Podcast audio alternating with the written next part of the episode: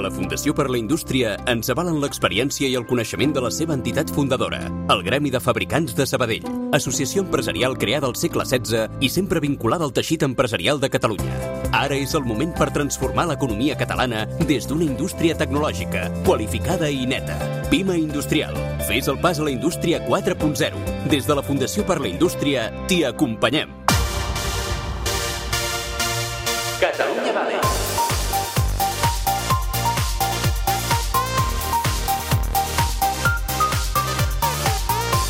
Vinga, com diu aquella frase feta, last but not least, perquè dedicarem els últims minuts del programa a parlar d'un terme, d'una paraula molt important que ens agrada tocar sovint al programa, que és la paraula innovació. Per parlar-ne avui, Enric Balló, que és mànager de model de negoci d'Acció.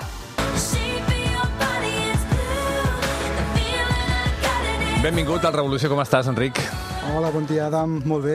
I tu, com estàs? Jo, perfecte. Una mica calorats tots, eh, sí, amb aquesta tots. setmana que hem passat. Sí, sí Déu-n'hi-do. Que déu nhi duret. Sort que aquí estem arrasarats una mica de l'escalfor i de la calor aquesta inhumana que hem hagut de viure. Um, explica'm una mica, molt ràpidament, eh, què, què, què feu a Acció? Bueno, Acció, bàsicament, és l'Agència Catalana de Competitivitat i el que fa és ajudar a la- a l'empresa, a l'empresa catalana, a augmentar la seva, la seva competitivitat. Bàsicament, eh, hi ha tres grans eixos d'actuació, que hi ha la part d'innovació, és a dir, ajudar les empreses a augmentar la seva capacitat d'innovar, per poder-se adaptar als canvis del, de l'entorn. També la part d'internacionalització, és a dir, ajudar l'empresa a internacionalitzar-se, a anar a fora, a vendre a fora, eh, i també la part molt important també d'atraure inversió estrangera aquí a Catalunya per enriquir el que és l'ecosistema català. Comencem per la primera. M'has parlat d'innovació. Sí. Què, què vol dir innovació al món de l'empresa? Perquè no vol dir fer canvis per fer canvis i per ser els més moderns i els més... ja estar sempre al dia, sinó que s'ha de trobar, suposo, un equilibri entre ser competitius, estar al dia de tot... Deu ser complicat. Sí, de fet, de fet la, la paraula innovar o la paraula innovació una cosa és el procés, que és innovar, i l'altra cosa és que és innovació, que és el resultat. Uh -huh. eh, clar, s'ha utilitzat molt i a vegades també hi ha mal, mal, mals entesos. Però bàsicament, insisteixo, de, quan parlem d'innovar hi ha moltes definicions possibles. Eh, la que m'agrada a mi personalment és transformar reptes en noves solucions que aportin valor. I aquí hi ha tres paraules clau, que és repte, és saber identificar aqu- aquell problema, aquella necessitat, aquella mm -hmm. oportunitat, aquella amenaça a la qual vols donar resposta. Parlo de solució perquè pot ser un producte, pot ser un servei, pot ser un procés, pot ser una nova experiència i molt important, i és la paraula clau quan estem parlant d'innovar, aportar valor. Aquí la, la paraula més important quan estem parlant d'innovar és aportar valor. I com a mínim has d'aportar valor, òbviament, al teu client usuari, mm. molt important, a tu mateix, òbviament, tu estàs generant valor i vols capturar part d'aquest valor per tu, com a empresa, i cada cop més, i cada cop té més importància, també has d'aportar valor al planeta i la societat. Wow, plantar-se així, dius... eh, És que les que fem anar les paraules amb molta alegria, no? Però la innovació després, quan es baixa, eh, eh seria, seria una mica tot això. Uh, I és, suposo que és obligatori, consubstancial a qualsevol empresa, no? Totalment. Si no sí. innoves, al final estàs fent una cosa que, no, que acabarà no servint a ningú. Mira, penseu, penseu una cosa. Eh, L'entorn al qual competeixen les empreses ha canviat, i ha canviat molt. Llavors, eh, moltes empreses s'han de transformar per poder-se adaptar, per poder continuar sent competitives en aquest entorn. I l'única variable que permet aquest procés de transformació és a través de la, de la, de la, de la innovació. Mm -hmm. És a dir, l'empresa ha d'apostar per la innovació. Òbviament, hi haurà empreses que apostaran més o menys, però realment, si tu vols continuar sent competitiu en aquest mercat tan canviant, has d'apostar per, per innovar. I aquí el gran dilema està en que moltes vegades, quan parlem d'innovar, eh, persones de la mateixa, de la mateixa empresa, de la mateixa organització, entenen coses diferents. Diferents, clar. I això és un problema, perquè fixa't, innovar vol dir novetat, innovar vol dir canvi, innovar vol dir risc. A la gent, a les persones en general, no ens agrada la No, no, no, novetat, no, no. el risc del canvi, preferim estar a la zona de confort. Si estem parlant ja que volem innovar però entenem coses diferents, això encara complica molt més l'equació. Per tant, és molt important, primer de tot, que l'empresa consensui internament què entén ella per innovar, perquè insisteixo que hi ha moltes definicions d'innovar.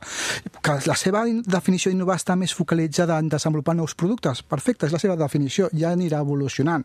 Que la seva definició d'innovar està més focalitzada en innovar en procés, ja anirà evolucionant. O sigui, hi ha moltes tipologies d'innovació. I suposo que us deveu trobar també moltes vegades amb empreses que funcionen com un coet, no? que estan funcionant a dia d'avui molt bé, però dius, escolta, eh, aquest xupa-xup potser d'aquí un any 5 anys, 10 anys, no el voldrà ningú.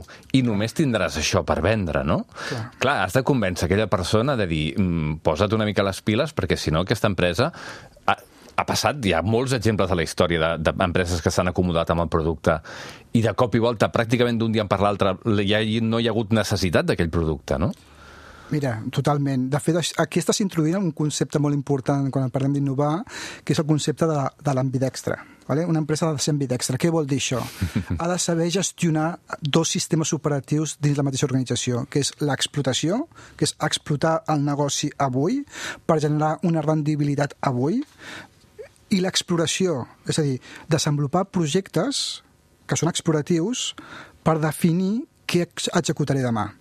Si una empresa només es focalitza en l'explotació, a explotar, per exemple, aquest producte exitós, mm -hmm, mm -hmm. i només es dedica a això, corre el risc, amb un entorn tan canviant, de que no s'adongui dels canvis, i canvin les regles del joc i ja no estigui a temps de reaccionar. Val? Per tant, ha de trobar aquest... Quan dic equilibri no vol dir mai 50-50, eh? no, sempre no. dedicaràs molts més recursos a l'explotació que a l'exploració. Però has de trobar aquest equilibri intern teu entre aquests dos mons que et permeti d'alguna manera un, assegurar aquesta rendibilitat avui, però també treballar per definir com generar rendibilitat en el futur. Mm. No sé si m'he explicat. Sí, sí, sí, absolutament. La, el canvi tecnològic també va sempre associat a la innovació o no necessàriament? Eh, la tecnologia és una eina no per utilitzar la darrera tecnologia seràs més innovador. És com... O necessàriament estàs innovant, no? Exacte. és com utilitzes tu la tecnologia per aportar valor el que et farà més innovador o menys innovador.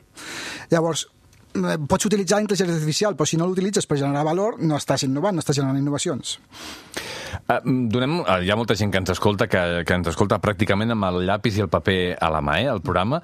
Dóna'ns algun consell per a alguna persona que diu, escolta, sí, haig de ser competitiu, haig d'innovar l'empresa, però no sé per on començar. El primer de tot, eh, saber llegir l'entorn és a dir, estan, estem tan imbuïts en el nostre dia a dia, en aquest procés d'explotar i de generar rendibilitat, que ens passen canvis per davant, oportunitats, i no els sabem veure. I bàsicament és perquè no dediquem prou temps a sentar-nos i reflexionar sobre quins canvis poden afectar el nostre negoci. I quan dic canvis, poden ser canvis a nivell de nous competidors, nous players que estan apareixent al mercat, canvis, òbviament, tecnològics, per suposat, mm -hmm. Canvis també en el comportament en, en, del client usuari, que òbviament el client, el nostre client va canviant també, per tant també clar, hem, clar. hem de desenvolupar solucions i altres canvis que no estiguin vinculats a, tres, a aquests tres. Però és molt important fer aquest exercici de reflexió per saber llegir aquest entorn, perquè a partir de saber llegir aquest entorn començaràs a identificar possibles actuacions a realitzar, ja siguin més millores del que tens a dia d'avui, com ja siguin possibles noves oportunitats que t'agradaria explorar. I a partir d'aquí el que hauràs de fer és prioritzar. Però la primera cosa que s'ha de fer és fer aquest esforç per eh, dedicar cert temps, invertir cert temps a saber llegir aquest entorn. Eh, un parell de cosetes i amb això acabem. Eh, com estem a Catalunya d'innovació ara mateix, del, del 1 al 10? Veus? Estàs molt segur, anaves a contestar molt segur, però quan t'he fet puntuar has dubtat. Eh, clar, quan fet... Jo et diria que estem amb, amb, un, amb un set, eh? eh jo, jo crec que encara hi ha coses a, a millorar, hem de millorar tot el tema també de, de la inversió en R+D, però també ja tenim una molt bona notícia. És a dir, ha sortit recentment publicat el Regional Innovation Scoreboard, que és un, un estudi que fa la Comissió Europea, i, i, i Catalunya ha tornat a recuperar el concepte de Strong Innovator, que això està molt ah, bé. Molt bé. Això està molt bé, i això és molt important. Per tant, no estem, estem fent les coses bé, però encara hi ha cap camí per recórrer per, per millorar. I per acabar, hi ha alguna empresa que per tu sigui modèlica en el sentit de com aplica el terme i el concepte de la innovació? Home, hi ha, hi ha unes quantes, eh? No, no, és que, que no, no, no et diria només, només una, eh, hi ha unes quantes. Doncs deixa-les anar, les que siguin. Per, per exemple, eh, mira, recentment està aquí, aquí mateix una, un Ribé Salat. Ribé Salat està, és una assessoria, una, està fent coses molt, molt interessants. Eh, una altra empresa que també és un referent, jo diria també és Avinent, vale? que també està al, està al Bages. Vull dir que hi ha, tenim un teixit molt, molt, molt important que estan fent coses molt interessants. I i que siguin de fora de, de Catalunya, internacionals? conegudes, clar. Si, si, mira, si jo m'agafo el, el, el rànquing de referència, hi ha dos rànquings de referència a nivell mundial quan estem parlant d'innovació, a nivell d'empreses, de, de com gestionen la innovació de forma holística dins l'empresa hi ha el rànquing del Boston Consulting Group i aquí Apple sempre surt al, a les primeres posicions mm. i després també hi ha un altre rànquing que també és molt interessant, que és el del Fast Company, que el Fast Company el que fa és avaluar iniciatives que s'han llançat darrerament dins de la... De, són pro projectes concrets i fan un rànquing d'això. I aquí és molt variat. Però si m'ho preguntes que a nivell d'empresa, eh, habitualment sempre el que es destaca més és, és, és Apple. Eh? Però no tothom ha de ser Apple, eh? ni molt menys. No, eh? clar, i a més a més, eh, et demanava això perquè, i amb això que vam, eh? perquè penses, fins i tot Apple, que normalment sol ser un model d'innovació brutal, fins i tot ha, com, ha comès errors Totalment. importants al llarg de la seva història i, i, i s'han penjat els, els llorers moltes vegades i altres vegades innova moltíssim, no? Vull dir que no és una cosa uniforme que va de 0 a 100, no. sinó que és això una muntanya russa, no? De, de fet, de fet equivocar-se forma part del procés d'innovar. A dir, si no ens equivoquem, alguna cosa estem fent malament. Potser estem fent només millores o sempre innovacions molt incrementals amb molt poc risc. El fracàs va associat també a la, a la, a la innovació. El que passa, clar, és molt diferent fracassar quan ja has llançat el producte al mercat, que el cost és molt gran, Sí. que fracàs, que dir, ostres, he fet iteracions i m'adono d'un compte abans de llançar el producte al mercat que aquest producte no, o Parem, servei tirem no, enrere. el paro i el mato. Molt bé, Enric Balló, mànager de model de negoci d'acció, moltíssimes gràcies. A tu, un plaer.